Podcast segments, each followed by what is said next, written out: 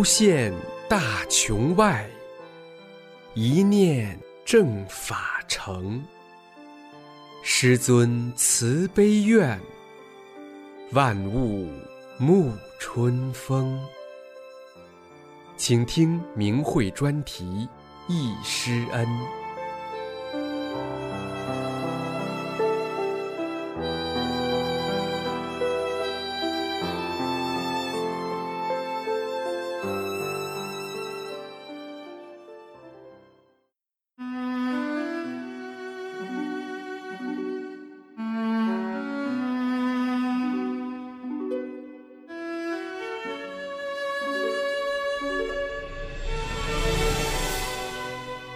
一位北京的大法弟子在文章中这样写道：“十五年中，无论在弘扬大法中，在大法遭受迫害中，在全面讲清真相中，我丝毫没有动摇过对大法的坚信与维护。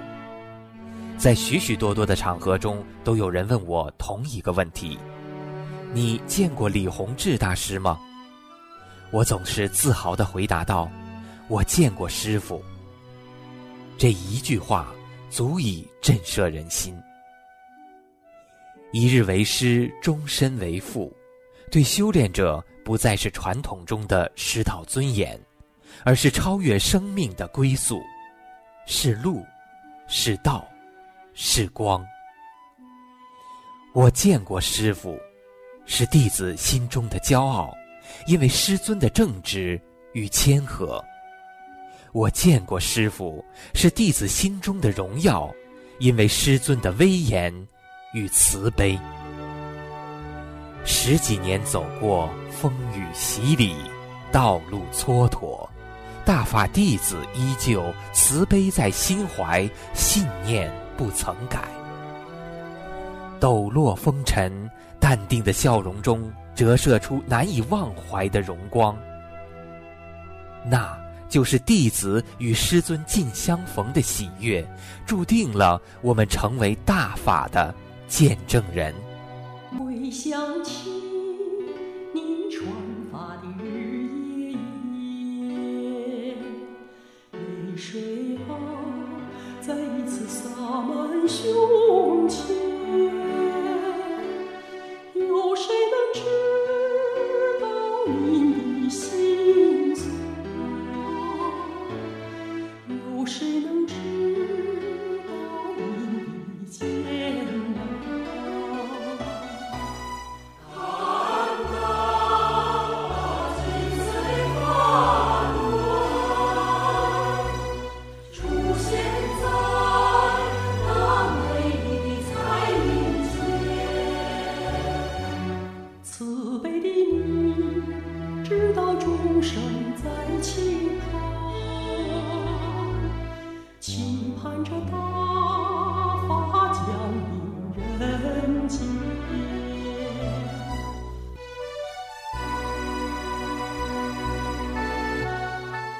在今天的这一期节目中，我们将借着这些见过师尊的同修一起回放历史的瞬间。这一期为大家选读的文章有：一、忆长春第一期法轮功学习班；二、一九四年师傅郑州讲法；三、三次参加师傅广州亲授学习班的经历。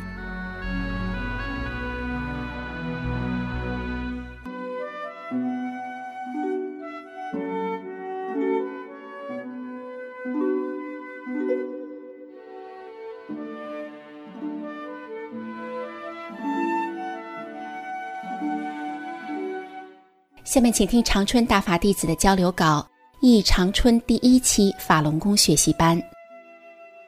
十八年前的五月，我有幸参加法轮功第一期学习班，亲耳聆听师傅讲法，至今记忆犹新。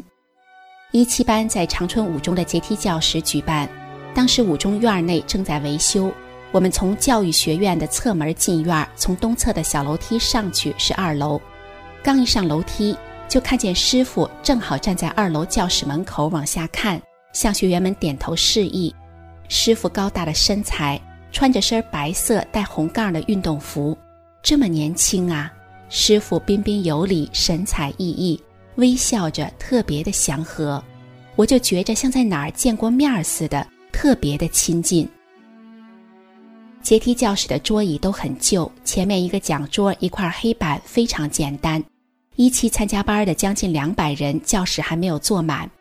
师傅讲课非常准时，讲课时没有讲稿，就是一张小纸条。师傅说：“我传功和别人不一样，为什么以气功形式传呢？我要讲佛法，你们接受不了。我传的是佛家功，佛不是迷信，佛是觉者。慢慢就知道我讲的是什么。”大家上课好好听，讲法中都包括了。我没参加过什么班儿，对气功一片空白，所以特别用心的听，非常入神。师傅讲，宇宙有一种特性，真善忍。佛家讲忍，你看哪个佛出去跟人家干仗的？哪有佛翘着二郎腿拎着酒罐子的？哪个佛坐那儿叼个烟卷抽烟呢？想学功就得把烟戒了。讲到修心性的问题，师傅说，很多高工师傅在教工时都要讲心性问题，这是真教工；而有一些所谓的气功师只教动作而不讲心性的人，实际上就等于在教邪法。师傅讲到开光，有些学员把自己家的佛像拿来让师傅开光，师傅用左手拿着佛像，右手去清理佛像上不好的东西。我把家里的小佛像用红布包着拿来。没讲课前，我到台前向师傅行了个礼，请师傅给佛像开光。师傅手托着小佛像，问：“你们看，这佛像是谁？”大家不知道。师傅说：“那就算了吧。”那天讲完课回家，正下小雨，大家都冷得直抱肩膀。我把小佛像揣到怀里抱着，浑身暖和和的。师傅在讲法时讲了两件事，到现在我还记得非常清晰。师傅有个妹妹在泰国，师傅去探亲，妹妹家的保姆认识一位老板家的保姆，老板腿有病，怎么治也不好。老板听了保姆的介绍，说名医都看遍了也不好，中国来个气功师就能把我这个病治好。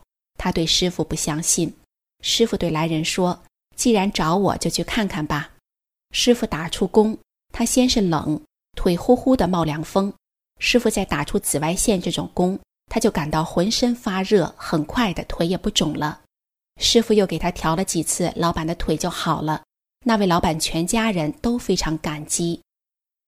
师傅在泰国还给一个植物人换大脑，有一个植物人在床上躺了好几年，有人找师傅给治病，治不治呢？师傅很为难，说只允许治一次。师傅给他换上大脑，他家里人当然他就不认识了。师傅跟他说。不认识就晃晃头，认识就点点头。那个植物人摇了摇头，他不认识家里人了，但他有知觉了。师傅说：“我打出去的功，绕长春市四圈，四天四夜也用不完。”师傅讲完法之后，开始教功。第一期班时，每人给了一本小册子，《法轮功》十二页，比现在的杂志小一圈，都是单线条画的练功动作。师傅教功的时候是手把手的教。一边教动作，一边给大家清理身体。当时我是什么都不懂，师傅说我是代工报告，你们哪块有病就想一想。什么叫代工报告？真不明白。可在学第二套功法头前抱轮的时候，也没见师傅动手动脚，整个传法场上就有哭的，有笑的，有手舞足蹈的，有不停的咳嗽的，那场面，我是哭个不停啊。这一生当中第一次哭得那么伤心，好像一肚子苦水都翻腾出来倒出去似的。师傅在旁边和善地说：“你们哭吧，不要控制，能哭就哭吧。”我心想这是干什么呢？还觉着有点不好意思。后来才明白，是师傅把学员身体不好的东西打出来清理了。因为每个人的情况不一样，表现的状态也不一样。哭完了，心里那个敞亮啊！几堂课下来，真是一身轻。上楼像有人推着，走多远都不累，就是愿意走，多远都不坐车。当时还没有修炼的概念，大家都抱着治病的想法来学功的。中间休息的时候，很多人去找师傅，师傅就给清理。那时我懂得心疼师傅，埋怨他们。师傅一讲就是一个半小时，连口水还没喝呢，休息十分钟还找师傅，师傅多累呀，多不容易啊！一期班是晚上六点到八点，师傅下班后孩子没人带，孩子美哥就在会场上玩，到师母下班后才把他接走。我们一起去听讲法的有个党员，听着课还说是搞迷信。师傅在场上把他的癌都拿下去了，他也知道身体好了，可还是不信。当时各种气功门派特别多，师傅传功，那些所谓的气功师也来听，还有练各种气功的。因为不讲心性，又带着不好的东西，所以场上就干扰。坐在那儿说话，声音还挺大，像苍蝇似的直嗡嗡，其实就是在搅场。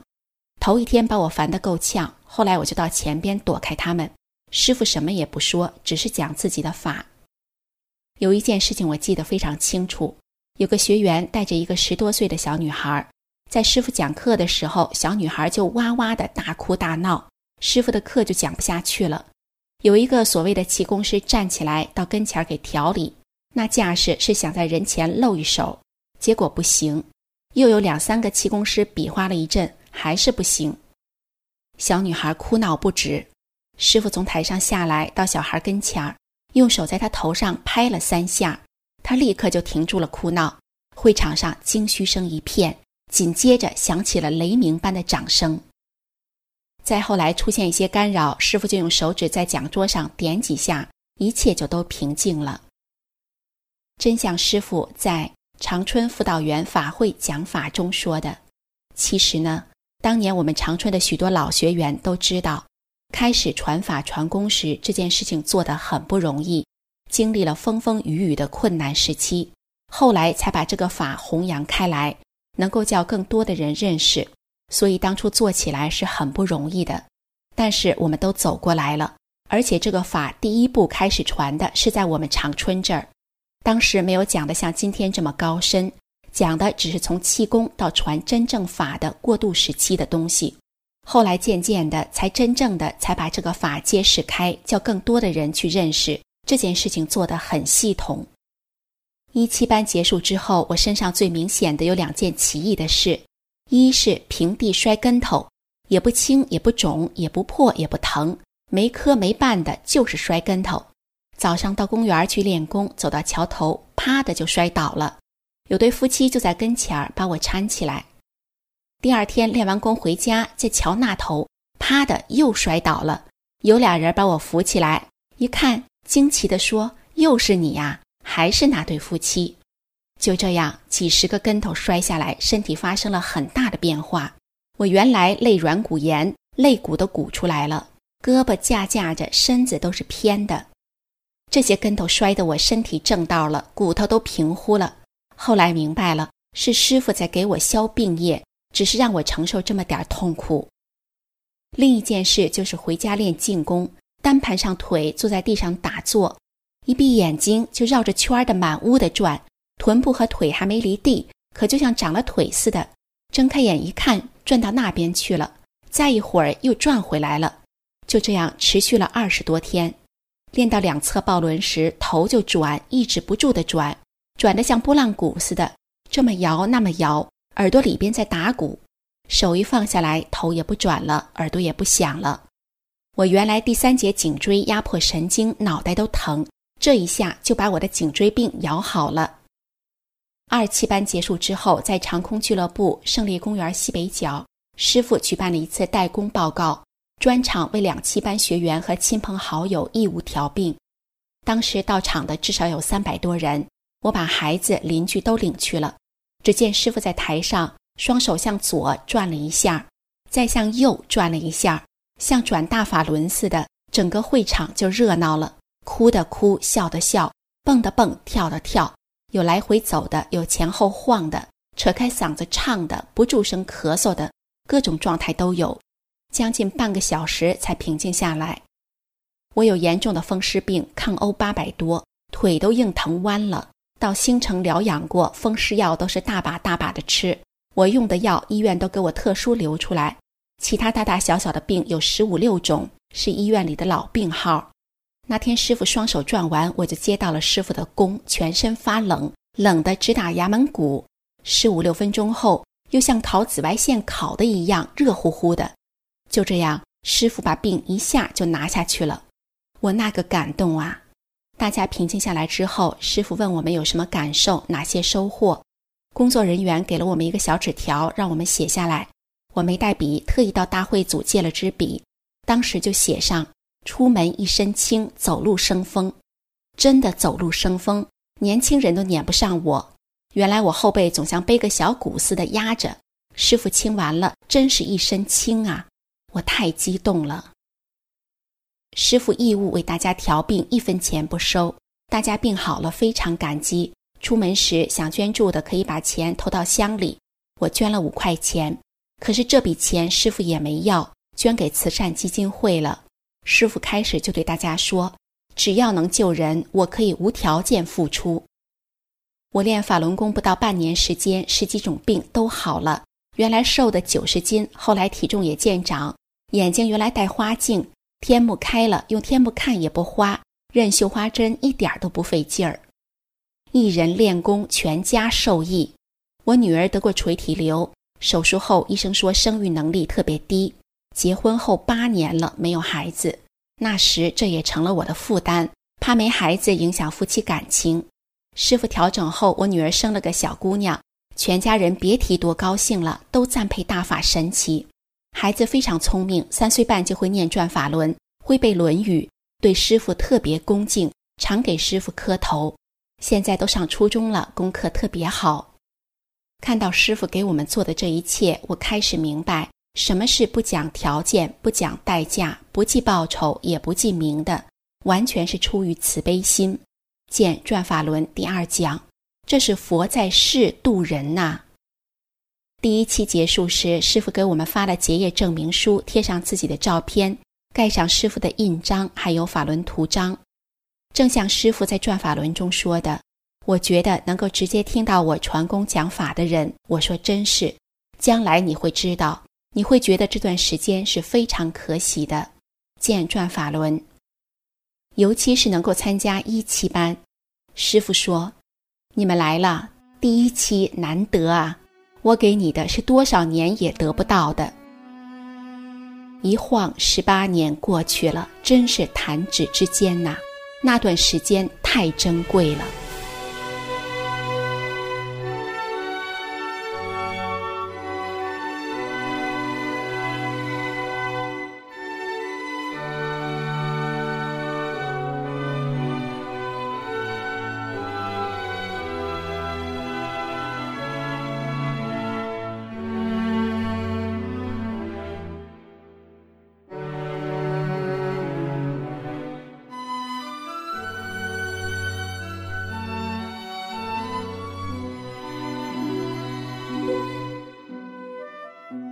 下面请听郑州大法弟子的来稿。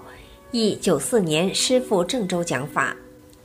五月十三日是世界法轮大法日，又是师尊的华诞日。在这宇宙大法红传十八年的喜庆日子里，当年师父在国内讲法传功盛况，仿佛昨日。当时大法红传，人传人，心传心，短短七年就有一亿人修炼，在中国各个城市的各大公园广场。公众场所清晨都可以看到三十五十、一百两百人数不等的修炼人群，在农村三里一村、五里一镇，悠扬的法轮功练功音乐连成一片。就这样，亿万群众达到身体健康、道德升华、人心归正，人人争做好人，按真善忍大法标准要求自己，带动着自身及周围社会环境整体回升。师傅讲。大法红传，闻者寻之，得者喜之，修者日众，不计其数。选自《精进要旨》拜师，这正是当年大法红传时的写照。我得法修炼十六年，没有师傅看护，走不到今天。我有幸参加郑州学习班，这是千万年的期盼、寻找、等待，也让我见证了大法的美好，真实不虚。一，一九九四年六月十一日。师傅到河南郑州讲法传功，有人告诉我法轮功来了。当我听到“法轮功”三个字时，身体为之强烈一震。我随着听课的人流来到体育馆门口，看见只有学员在那里授书。我走过去，拿起中国法轮功，一看到封面上的照片，我就失声惊叫：“哎呀，这个老师我认识！”同时，脑海里快速闪过许多画面和图片。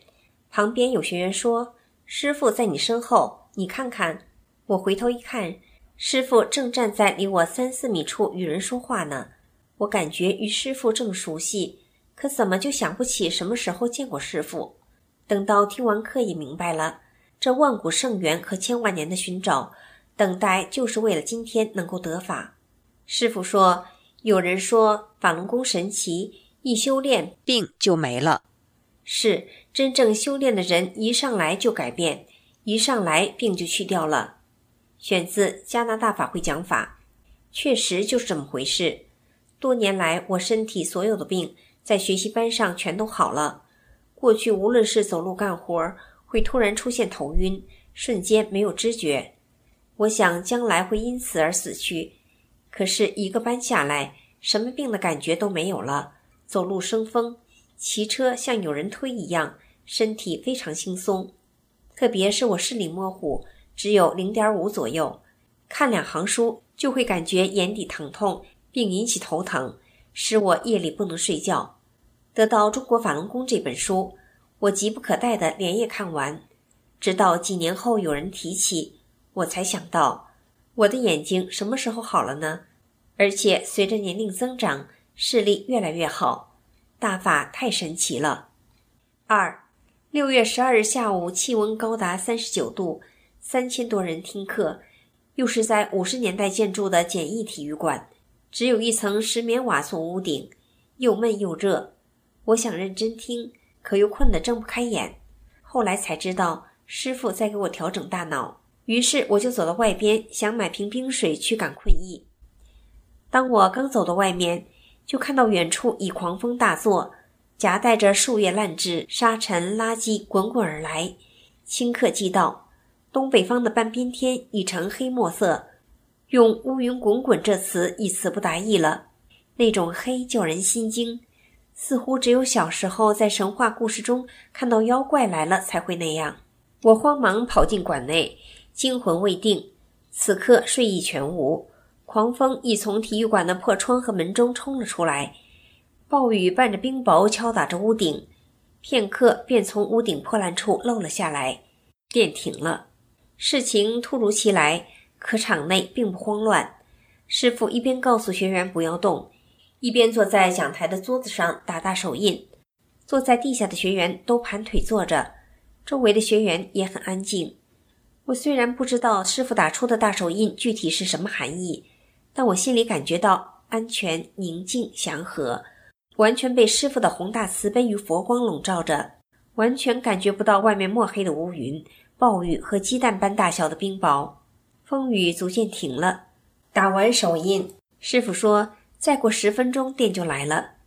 真的，几分钟后电就来了，太阳也露出头来。师傅开始讲课了，说是一个大魔纠集一帮小魔，企图来破坏师傅传法。师傅把领头的大魔销毁了，小魔就四散逃命了。还说为在场的学员做件好事，为河南人民做件好事。听完课，从体育馆出来一看，大街上已经面目全非，雨水还有小腿深。一人抱不住的桐树被拦腰折断或连根拔起，当街横卧，到处都是断枝树叶，雨水漫过的地方尽是黄泥沙子和被狂风掀倒的巨型广告牌。据说那天市区四条大电路断了三条，几天后才恢复，只有体育馆所在方位一条线路未被破坏，我们在场的学员也未受任何伤害。此次经历让我见证了师傅的慈悲与威严。三，六月十八日是学习班最后一天，上午师傅安排与学员照相。当时参加照相的学员大概有一千多人吧。照完相，我们几个新学员舍不得离开，想多留一会儿，能再有一个美好的瞬间。没想到师傅见我们站在一起，走过来问：“你们是郑州学员吧？”我们说是。师傅说：“你们不要走，在这儿等着。”当时我想，师傅怎么一眼看出我们是郑州的新学员？现在看着想法多可笑！一会儿各省都照完相，师傅走过来说：“我们到体育馆里边吧。”冰雹过后，已换场馆。到场内一看，无论是椅子还是凳子，什么坐的都没有。师傅说：“我们坐地下吧。”师傅先坐下，我在师傅对面也坐下来，离师傅很近，因为当时郑州学员很少。师傅环视一下周围的学员，说：“你们是种子。”师傅讲了很多。最让我难忘的是这句：“你们是种子。”在场的几十个学员是何等的幸运！实践证明，法轮大法是高德大法，一个往高层次上带人的正法大道。在当时，对提高上亿人民身体素质和道德水平，对社会稳定起到了不可估量的作用。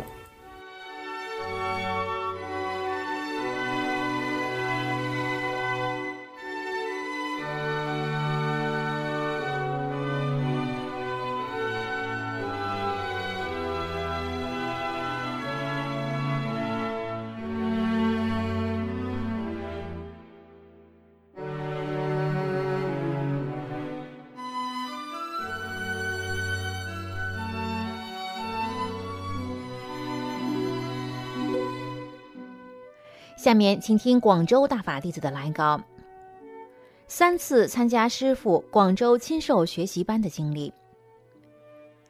师傅五次到广州传功讲法，扬长生辉。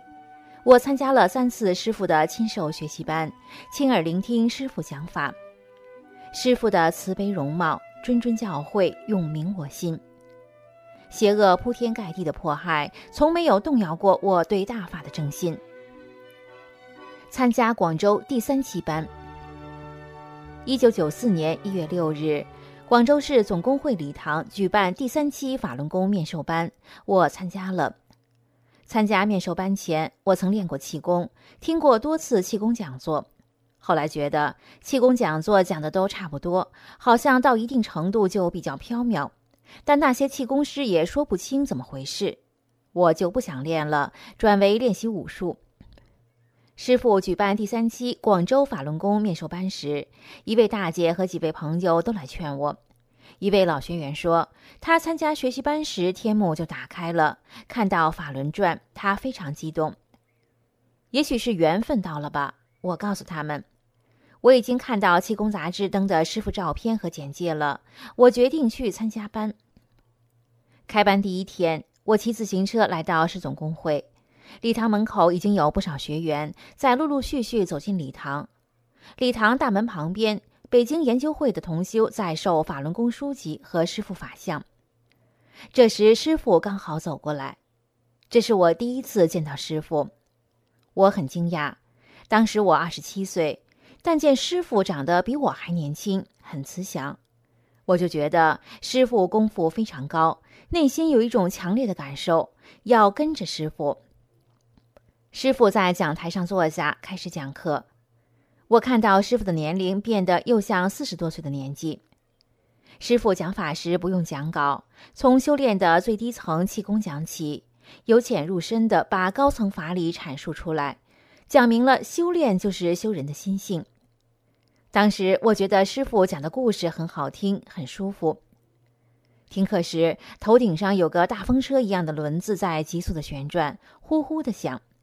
我用手摸了摸头顶，可摸不到轮子。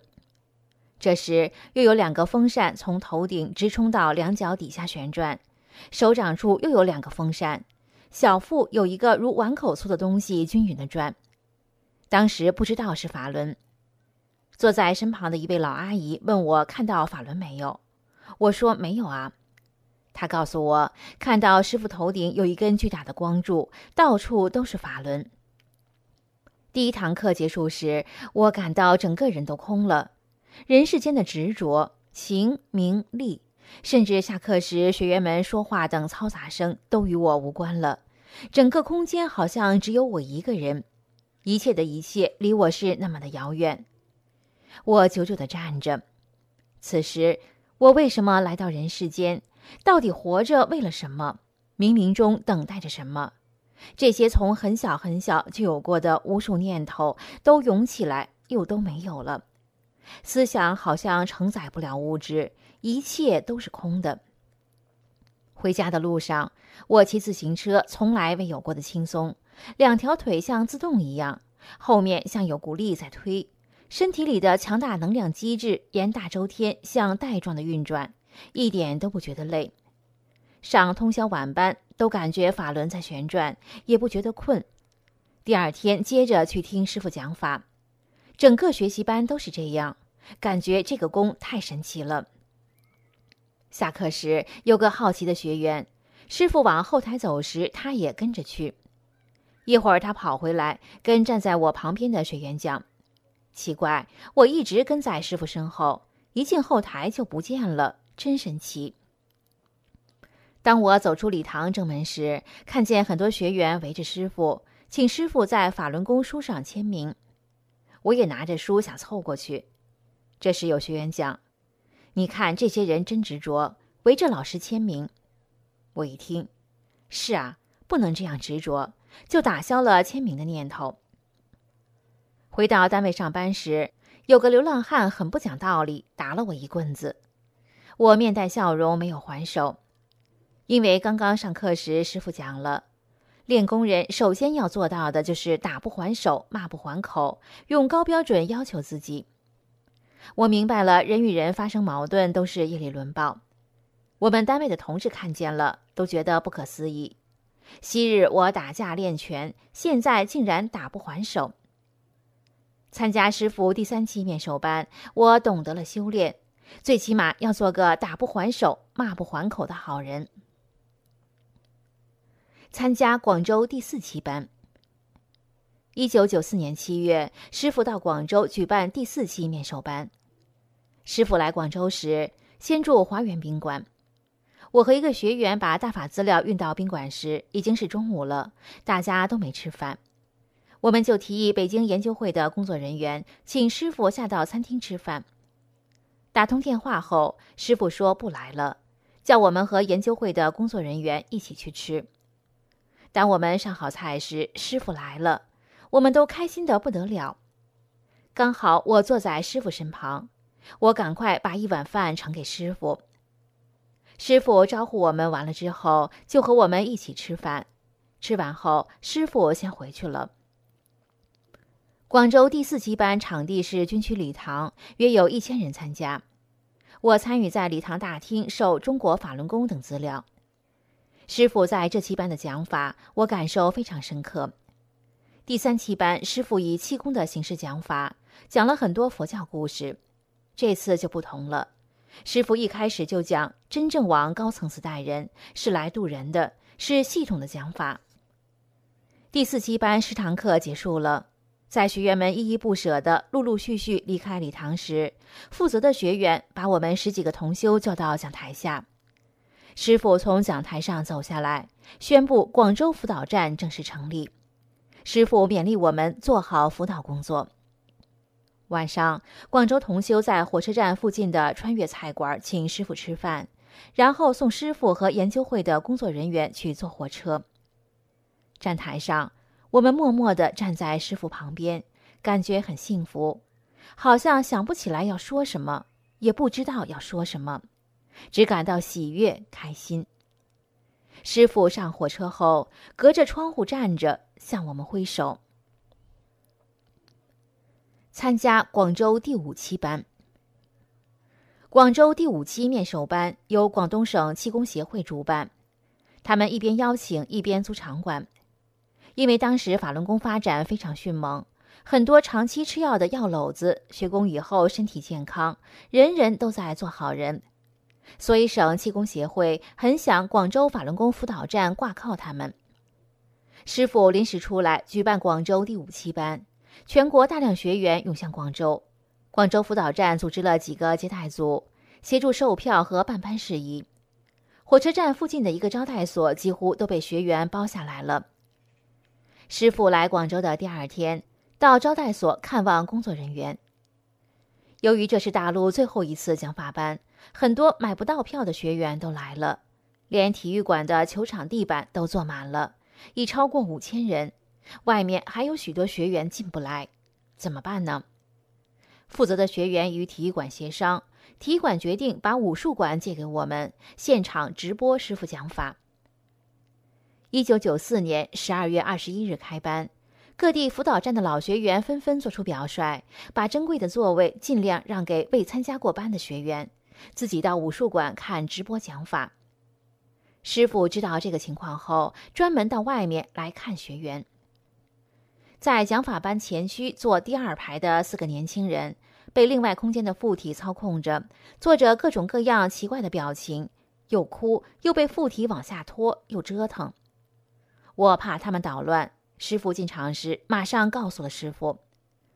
师傅满脸笑容说：“我知道了。”就大步走向讲台。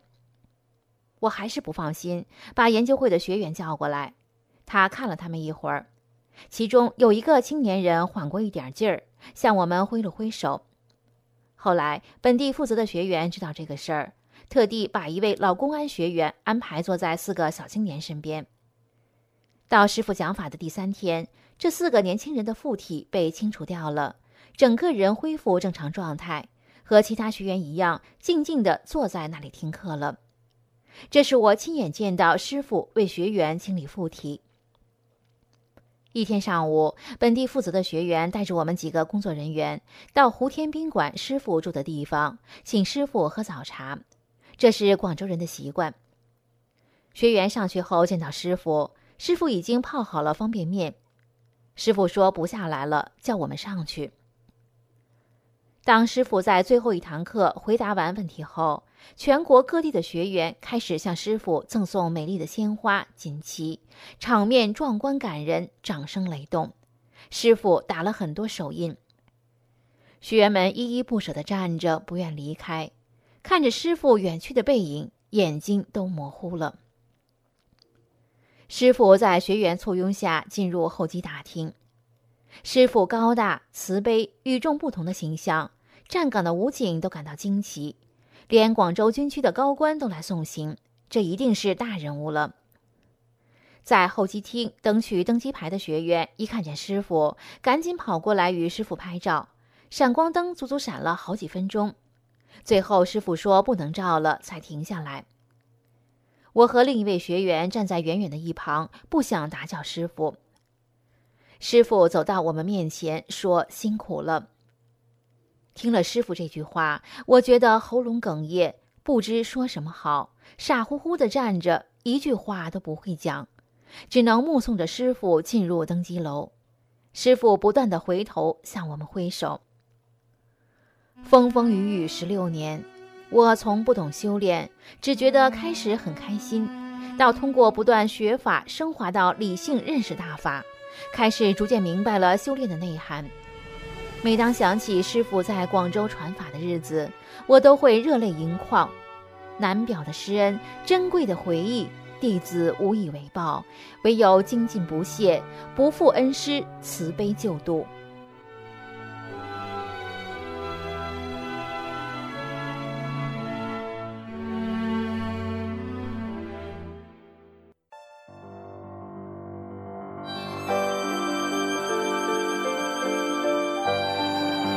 这次的易师恩就到这里，谢谢收听。